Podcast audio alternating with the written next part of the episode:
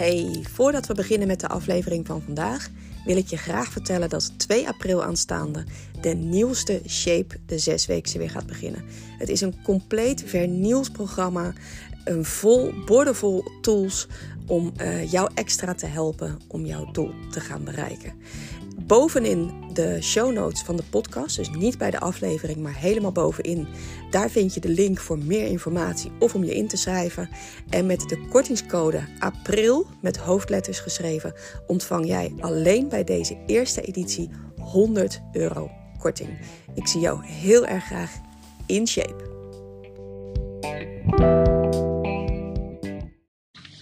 Hey, goeiedag. Leuk dat je er weer bent. Leuk dat je weer luistert. Dit is uh, podcast aflevering nummer 2 van vandaag. Moet niet gekker worden. En in deze aflevering wil ik het hebben met een positieve manier waarop je de overgang kunt bekijken. Dus over de overgang heel veel uh, negatiefs wordt er altijd over gezegd. Hè, overgangsklachten, uh, mentale problemen, fysieke problemen. Voor heel veel mensen is de overgang zuiver iets, iets negatiefs. Uh, of ze er nou wel of niet al in zitten, dat doet er niet zo heel veel toe. Want meestal hoor je ook als je nog niet in de overgang zit, er zoveel negatieve verhalen over dat je er bijna een beetje bang van zou worden om er überhaupt aan te gaan beginnen. Want ja, wie weet hoe jij je dan wel niet gaat voelen. Nou, ik hoop sowieso dat jij je leefstijl zo op orde hebt dat de klachten echt tot een minimum beperkt zullen blijven. Ik hoop ook dat als je hier naar luistert, dat ik je ook bepaalde tools in handen hebt gegeven om die klachten te kunnen reduceren. En uh, dat je dan ook in staat bent om het symbolische en het mooie van die overgang te gaan zien. Het is meestal een periode waarin we onze schaapjes redelijk op het droog hebben. We hebben ons leven heeft, we hebben ons leven vorm gegeven. Hè, uh, we hebben een, een, partner of niet, we hebben uh, kinderen of niet, maar we hebben in ieder geval een bepaalde maat over het algemeen genomen van stabiliteit misschien een baan. En het leven gaat zijn gangetje en het kabbelt zo rustig en kabbelt het voort. En ik denk dat je de overgang ook mag zien als een periode om eens na te gaan denken en te gaan fantaseren over hoe wil ik de tweede helft van mijn leven in gaan richten. Hoe vind ik eigenlijk dat ik het gedaan heb als ik nu terugkijk? Ben ik blij met de keuzes die ik heb gemaakt?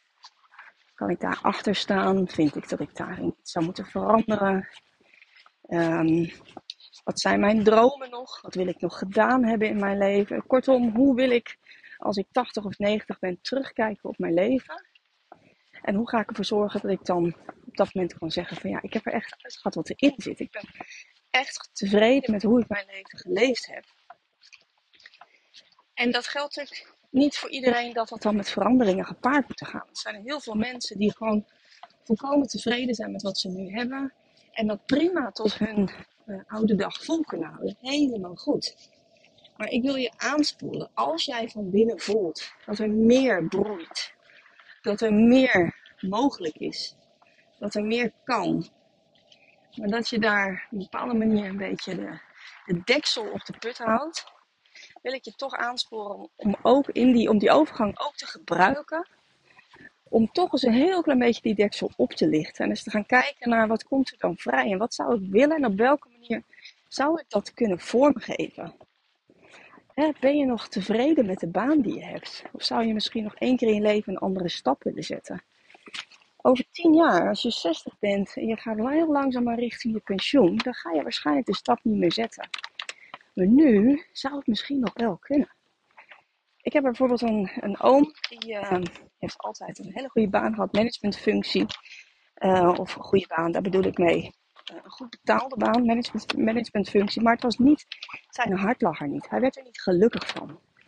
En hij heeft op latere leeftijd, is hij naar de PABO gegaan. Want hij wilde ontzettend graag docent worden in het basisonderwijs. Nou, hij zat daar tussen de 17 en 18-jarigen die net de vanaf kwamen. En uh, ja, hij had gewoon makkelijk hun, hun vader kunnen zijn. En hij is het wel gaan doen. Hij heeft gezegd van, joh, ik wil, wil niet uh, mijn carrière volmaken in die managementlaag. Nee, ik, ik ga gewoon nu, ik ben er ingerold. Uh, ik weet nu waar mijn hart ligt. Ik wil gewoon dolgraag wil ik leraar worden in basisonderwijs.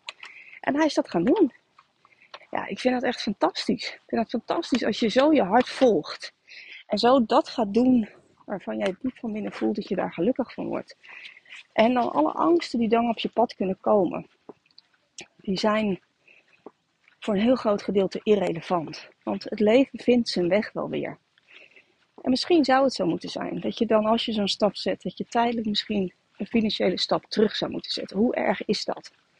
Hoe erg is uiteindelijk als je misschien tijdelijk wat minder geld verdient, of misschien de rest van je leven wat minder geld gaat verdienen, maar dat je wel intens gelukkig wordt van dat wat je doet.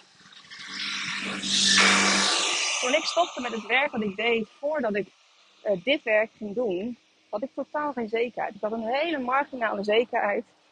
Um, maar ik had nog helemaal niet het voor elkaar gekregen dat ik het bedrijf zo uitgebouwd heb zoals ik het op dit moment heb. En zoals ik het op dit moment heb, staat niet in verhouding tot wat ik nog wil gaan bereiken. Maar ik heb wel de sprong genomen. Ik heb het risico genomen en ik heb gedacht, wat is het aller, aller, allerergste dat er kan gebeuren? Het allerergste dat er kan gebeuren is dat het niet loopt, dat ik het niet voor elkaar krijg. En dan? Dan ga ik iets heel anders doen. Dan ga ik gewoon tijdelijk achter de kassen zitten. Kan mij het schelen. Interesseert me niet wat ik moet doen. Als mijn brood op de plank komt, als ik maar gewoon door kan leven. En uh, ja, dan kan ik misschien niet meer een dure vakantie boeken. Zo wat.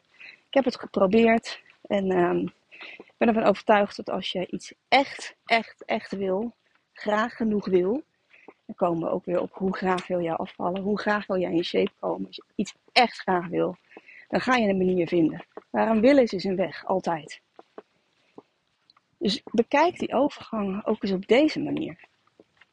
ga eens gewoon zitten, kijk eens om je heen en denk van, hè, wat, ja, is, is dit het? Ben ik hier blij mee? Of zou ik misschien nog iets anders willen? Ga ik het over een andere boeg gooien? Ga ik die opleiding doen waarvan ik altijd heb gezegd, zou ik zo graag willen kunnen? Wil jij bijvoorbeeld heel erg graag Spaans kunnen spreken? Noem maar wat. Je hebt nog geen idee wat je ermee gaat doen. Ga het doen. Ga het doen. Waarom niet? Waarom niet? Ouder word je sowieso. Dus hoezo niet met de extra kennis of het extra super toffe dat jij zo ontzettend graag eh, gedaan wil hebben of, of wil beheersen of whatever. Wil jij een andere baan? Heb je een baan waarvan je zegt, ja, diep van binnen word hier zo niet gelukkig van. Ik krijg er stress van. Ik ga niet met energie naar mijn werk. Alsjeblieft, gooi het roer om. Blijf er niet in hangen. Heb jij een relatie waarvan je denkt, gaat het niet worden? Wil je absoluut niet aanprijzen om hier meteen de bruid te geven in je relatie. Helemaal niet. Maar ga er wel mee aan de slag. Ga er iets mee doen. Het leven is te kort om in ongelukkige situaties te blijven hangen. Echt waar. Wil jij nog verre reizen hebben, uh, gemaakt hebben? Wil, wil, je, wil je landen bezoeken die je tot nu toe nog niet bezocht hebt? Ga het doen. Ga het doen. Kan je het niet betalen? Vind dan een weg om het wel te kunnen gaan bepalen. Stippel een plan uit voor de tweede helft van jouw leven. Ben je nu 50, ik noem maar wat, dan kan jij op de een of andere manier, als je voldoende spaart, als je misschien andere dingen erbij gaat doen, weet ik veel, kan jij ervoor zorgen dat jij op je 55ste die ultieme droomreis gaat maken. Het kan. En uh, laten we die overgang het heet niet voor niks in mijn beleving de overgang. Het is een overgang naar een nieuwe fase van je leven. Waarin jij, die jij zelf meer wil gaan invullen. En die nieuwe fase, die tweede helft, hoeft niet per se een kopie te zijn van de eerste helft. Die kan er prima heel anders uitzien. je kunt met je gezinsleden om de tafel gaan zitten van jongens, ik heb er eens goed over nagedacht. Dit is wat ik eigenlijk heel erg graag wil. Wat willen jullie eigenlijk nog verder? Wat wil je bereiken? Waar, waar droom je over? Waar mijmer je over? En hoe kunnen we dat met elkaar, of misschien los van elkaar, in het uh, vat gieten? Hoe kunnen wij allemaal onze dromen gaan waarmaken? Want nu doe ik het nog. Maar over 15 jaar, als ik 65 ben, doe ik het misschien niet meer. Of misschien denk jij van ja, ik ga die reis wel maken, dus ik klaar met werken. En hoeveel mensen zijn er dan op dat moment niet die er tussenuit kijken? En die dus nooit meer dat hebben kunnen doen. Wat ze eigenlijk zo graag wilden. En hebben ze een hele leven lang voor gewerkt. En dan is het moment daar. En dan overkomt je iets verschrikkelijks. Je leeft nu. Je leeft nu. En je mag nu ook de stappen zetten waar jij gelukkig van wordt. Om nu beter in je vel te zitten. maar ook om toekomstgericht gewoon jouw mooie dromen uh, waar te laten worden. Zo sta ik tegenwoordig heel erg in het leven. En uh, natuurlijk neem ik daarin, iedereen die me lief is, neem ik daarin mee.